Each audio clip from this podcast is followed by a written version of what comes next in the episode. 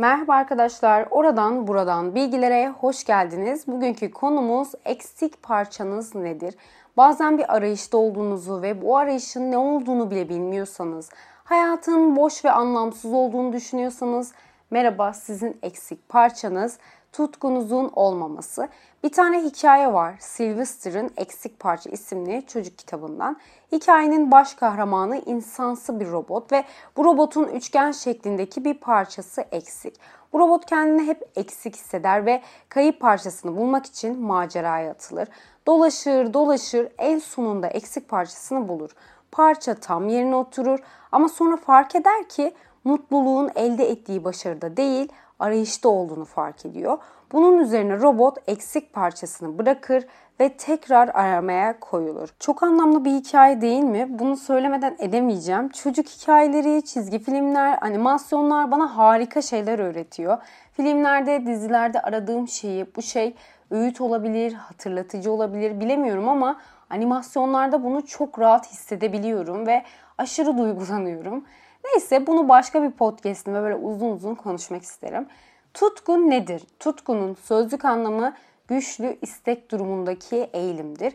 David Hume'a göre akıl her zaman için eylemlerinizdeki önemli rol oynar ve aklın bizi asla tek başına harekete geçiremeyeceğini düşünür. Mesela sinemaya gitmeyi sevk eden bir tutkumuz olmadığı müddetçe asla sinemaya gidemeyeceğimizi ileri sürer. Çünkü akıl tek başına sinemada film izlemeyi sağlamaz. Bu yüzden der ki akıl tutkuların kölesidir ve öyle de olmalıdır. David Hume akıl ile tutkunun birbirine karşıt olduğunu düşünmez. Tutkularınız ne yapacağını belirler ve bu hedefe ulaşmak için de aklınıza başvurur. Tam tersini iddia eden felsefeciler de var. Onlar da der ki bazen bize ne yapacağımızı yalnızca aklın söyleyebileceğini düşünürler. Hangisi doğru tartışılır. Ama çevrenize bakın kimse %99 istediği işi yapmıyor, çalıştığı mesleğe karşı tutkusu yok ya da sevmediği bir bölümde okuyor, tutkuyla öğrenemiyor ki çok üzülüyorum. 18 yaşında ömür boyu yapacağımız işi seçiyoruz ama daha tutkumuz ne onu bile bilmiyoruz. Mesela benim her yıl tutkum değişir. Küçükken de öyleydim. Ne olacaksın sorusuna her yıl farklı bir şey söylerdim. Liseye kadar işte doktor, astronom, manken, şarkıcı olmak istedim.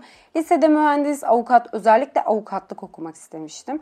Üniversitede okurken ise araştırmacı, gazeteci, yazar falan veya siyaset bilimleri, uluslararası ilişkiler okumak istemiştim. Bu aralar yüksek lisans yapıyorum ama çok da mutlu değilim. Çünkü felsefe eğitimi almak istediğimi fark ettim. Ha bir dahaki sene ne olur Allah bilir. Aslında şöyleyim. Celal Şengör'ü okuduğumda diyorum ki keşke jeoloji mühendisi olsaydım ya da Carl Sagan'ı Einstein'ı okuduğumda bilim insanı olmak istiyorum gibi böyle isteklerim oluyor ve size bunun binlerce örneğini verebilirim. Çok komik ve çok saçma ama hep böyle biriydim. Galiba her şey olmak istiyorum ya da aşırı kararsız biriyim veya tutkumu bulamadım bilemiyorum.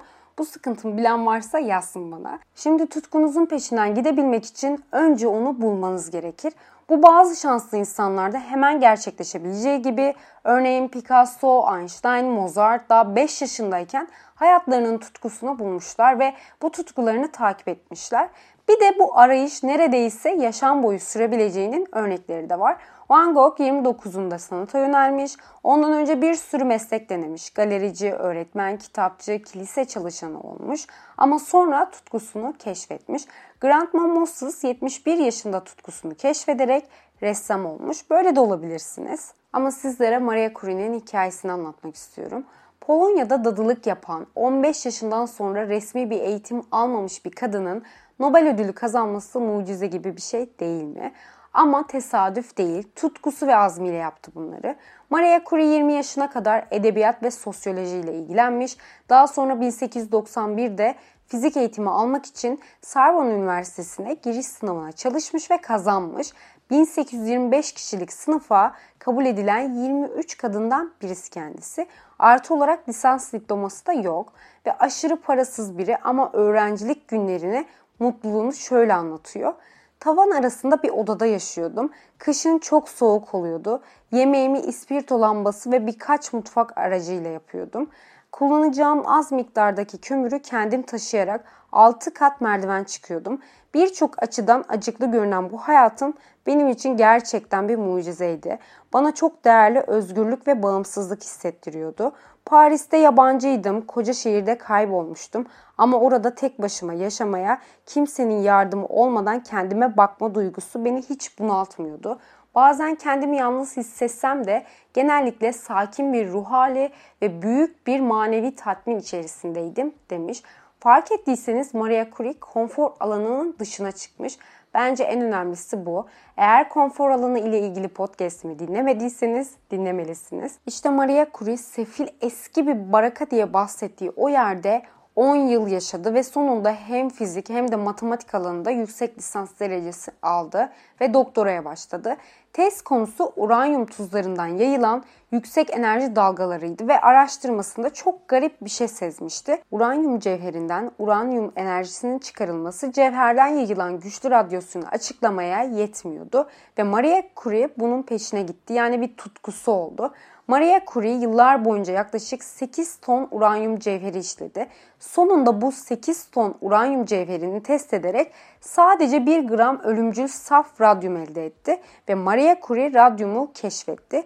Daha sonra radyumun ayrıştırılmasını da buldu. Sonuç olarak Maria Curie iki yeni element polonyum ve radyumu keşfetti ve Maria'nın bu tutkusu ona iki tane Nobel ödülü kazandırmayı sağladı. Tabi bu tutkusu onu öldürdü çünkü ceplerinde radyum parçacıkları taşırdı. Düşünün ki radyoaktif elementler gazlar barakasına ve araştırma belgelerine dahi bulaştığı için Bugün Paris'teki Ulusal Kütüphane'de muhafaza edilen belgeler gelecek nesillerin radyasyona maruz kalmasını önlemek için kurşun kasalarda tutuluyor. Buna kısacası ölümcül bir tutku diyebiliriz. Çünkü işini aşkla yapıyordu. Ama 2014 yılında yapılan bir araştırmaya göre çalışanların %88'inin işlerine karşı hiçbir tutkusu olmadığı, bu nedenle potansiyellerini tam olarak ortaya çıkaramadıklarını tespit eden bir rapor yayınlamışlar. Ki çok doğru. Aristo der ki işte memnuniyet çalışmada mükemmelliği getirir. Yani şu an çoğu kişi özellikle de Türkiye'de aç kalmamak için çalışıyor. Her gün lanet ederek uyanıp işe gidiyorlar. Nasıl bir potansiyel bekleyebilirsiniz ki? 2500 yıl kadar önce söylenmiş bir söz var. Sevdiğiniz işi bulursanız hayatınız boyunca bir gün bile çalışmak zorunda kalmazsınız. Eğer size neşe, zevk veren şeyi bulursanız o konuda çok iyi olma şansınız da çok yüksek olur. Nedeni ise o iş zamanla iş olmaktan çıkar, zevke dönüşür. Picasso, Tesla saatlerce çalışırmış ve gününün nasıl bittiğini anlamazlarmış. Bunu da psikolog Meheli yazdığı Akış kitabından açıklayayım. Yazıyor ki tüm yaratıcı bireyler eksik bir parçayı ararken akış haline geçerler. Mutluluk tıpkı bir yengeç gibi sinsice bize yaklaşır. Zaman uçup gider, yemek yemeyi bile unutursun. Buna Newton'dan örnek vermek istiyorum. Newton için yazılan bir makalede şunlar yazıyor. Newton çok tuhaftı. Öğretim görevlisiyken günlerce odasına kapanır, bir probleme saplanıp kalırdı. Çok az yemek yer, yerken de akışık bozmamak için ayakta dururdu. Newton çok nadir salonda yemek yerdi. Yemek yediğinde de çoğunlukla tek başına otururdu. Diğer meslektaşları onu düşünceleriyle baş başa bırakmaya öğrenmişlerdi. Newton odasına dönerken aniden durur ve yola sopayla grafikler çizebilirdi demiş. Evet fazla saplantılı gibi duruyor ama Newton'un kişiliği bu ve bu saplantısı onu büyük bir fizikçi yaptı. Ki Darwin'de de öyleydi. Tutkusu doğal yaşamdı. Darwin çok küçükken böceklere karşı bir takıntısı varmış. Ender böcekleri araştırıyormuş. Böcekler beni hep ürkütmüştür. Şöyle ki dünyanın her yerinde bulunuyorlar. Zaten bulunması lazım. Böceğin olmadığı yerde bitki çeşitliliği olmaz. Ama her yıl birkaç bin böcek türü daha tanımlanıyor. Henüz keşfedilmeyen 30 milyon kadar tür olabileceğini düşünüyorlar ki bu çok ilginç. Darwin'e dönersek Darwin hiç parlak bir öğrenci değilmiş. 1827'de Edinburgh Üniversitesi tıp programından atılmış ve babası bu durumdan aşırı rahatsızmış. Köpek sıçan kovalamaktan başka hiçbir şeyle ilgilenmiyorsun deyip durmuş. Babası da Darwin'i HMS isimli bir gemiyle dünya çapında 5 yıl sürecek keşif yolculuğuna çıkmasını sağlamış. Bu yolculuk ile birlikte evrim teorisinin kapıları açılmış. 1836'da İngiltere'ye döndüğünde evrim konusunu ölene kadar işkolik bir şekilde çalışmış ve hala çürütülmeyen bir teori ortaya koymuş. Bu onun tutkusuydu. Zaten kendisi de otobiyografisine şöyle yazmış.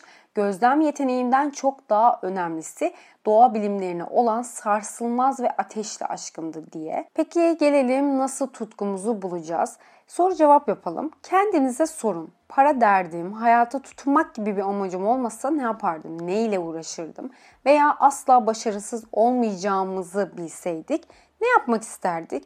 Çünkü tıpkı para gibi başarısızlık korkusu da sizi bir şeyleri yapmaktan alıkoyar.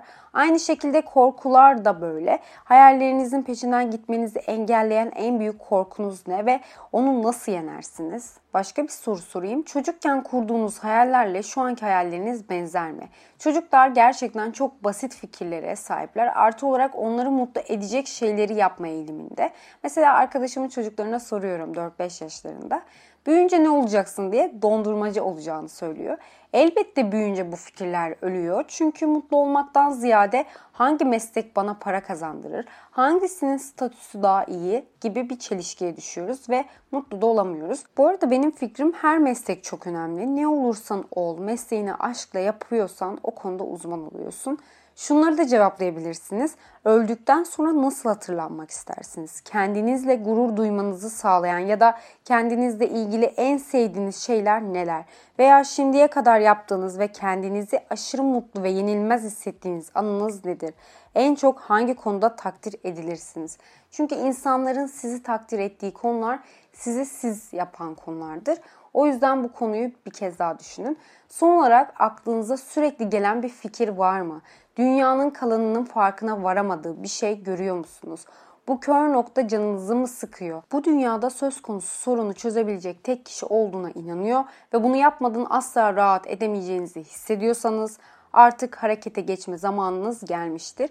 Bu sorulara olumlu cevap veriyorsanız tutkunuzu bulmuşsunuzdur. Diyelim ki hiçbir soruya yanıt bulamadınız. Ne yapacaksınız? Aramaya devam edeceksiniz ve belki de insansı robot olup olmadığınızı yoklayacaksınız. Anlatacaklarım bu kadardı arkadaşlar. Bir sonraki podcast'imde görüşmek dileğiyle. Hoşçakalın, kendinize çok iyi bakın.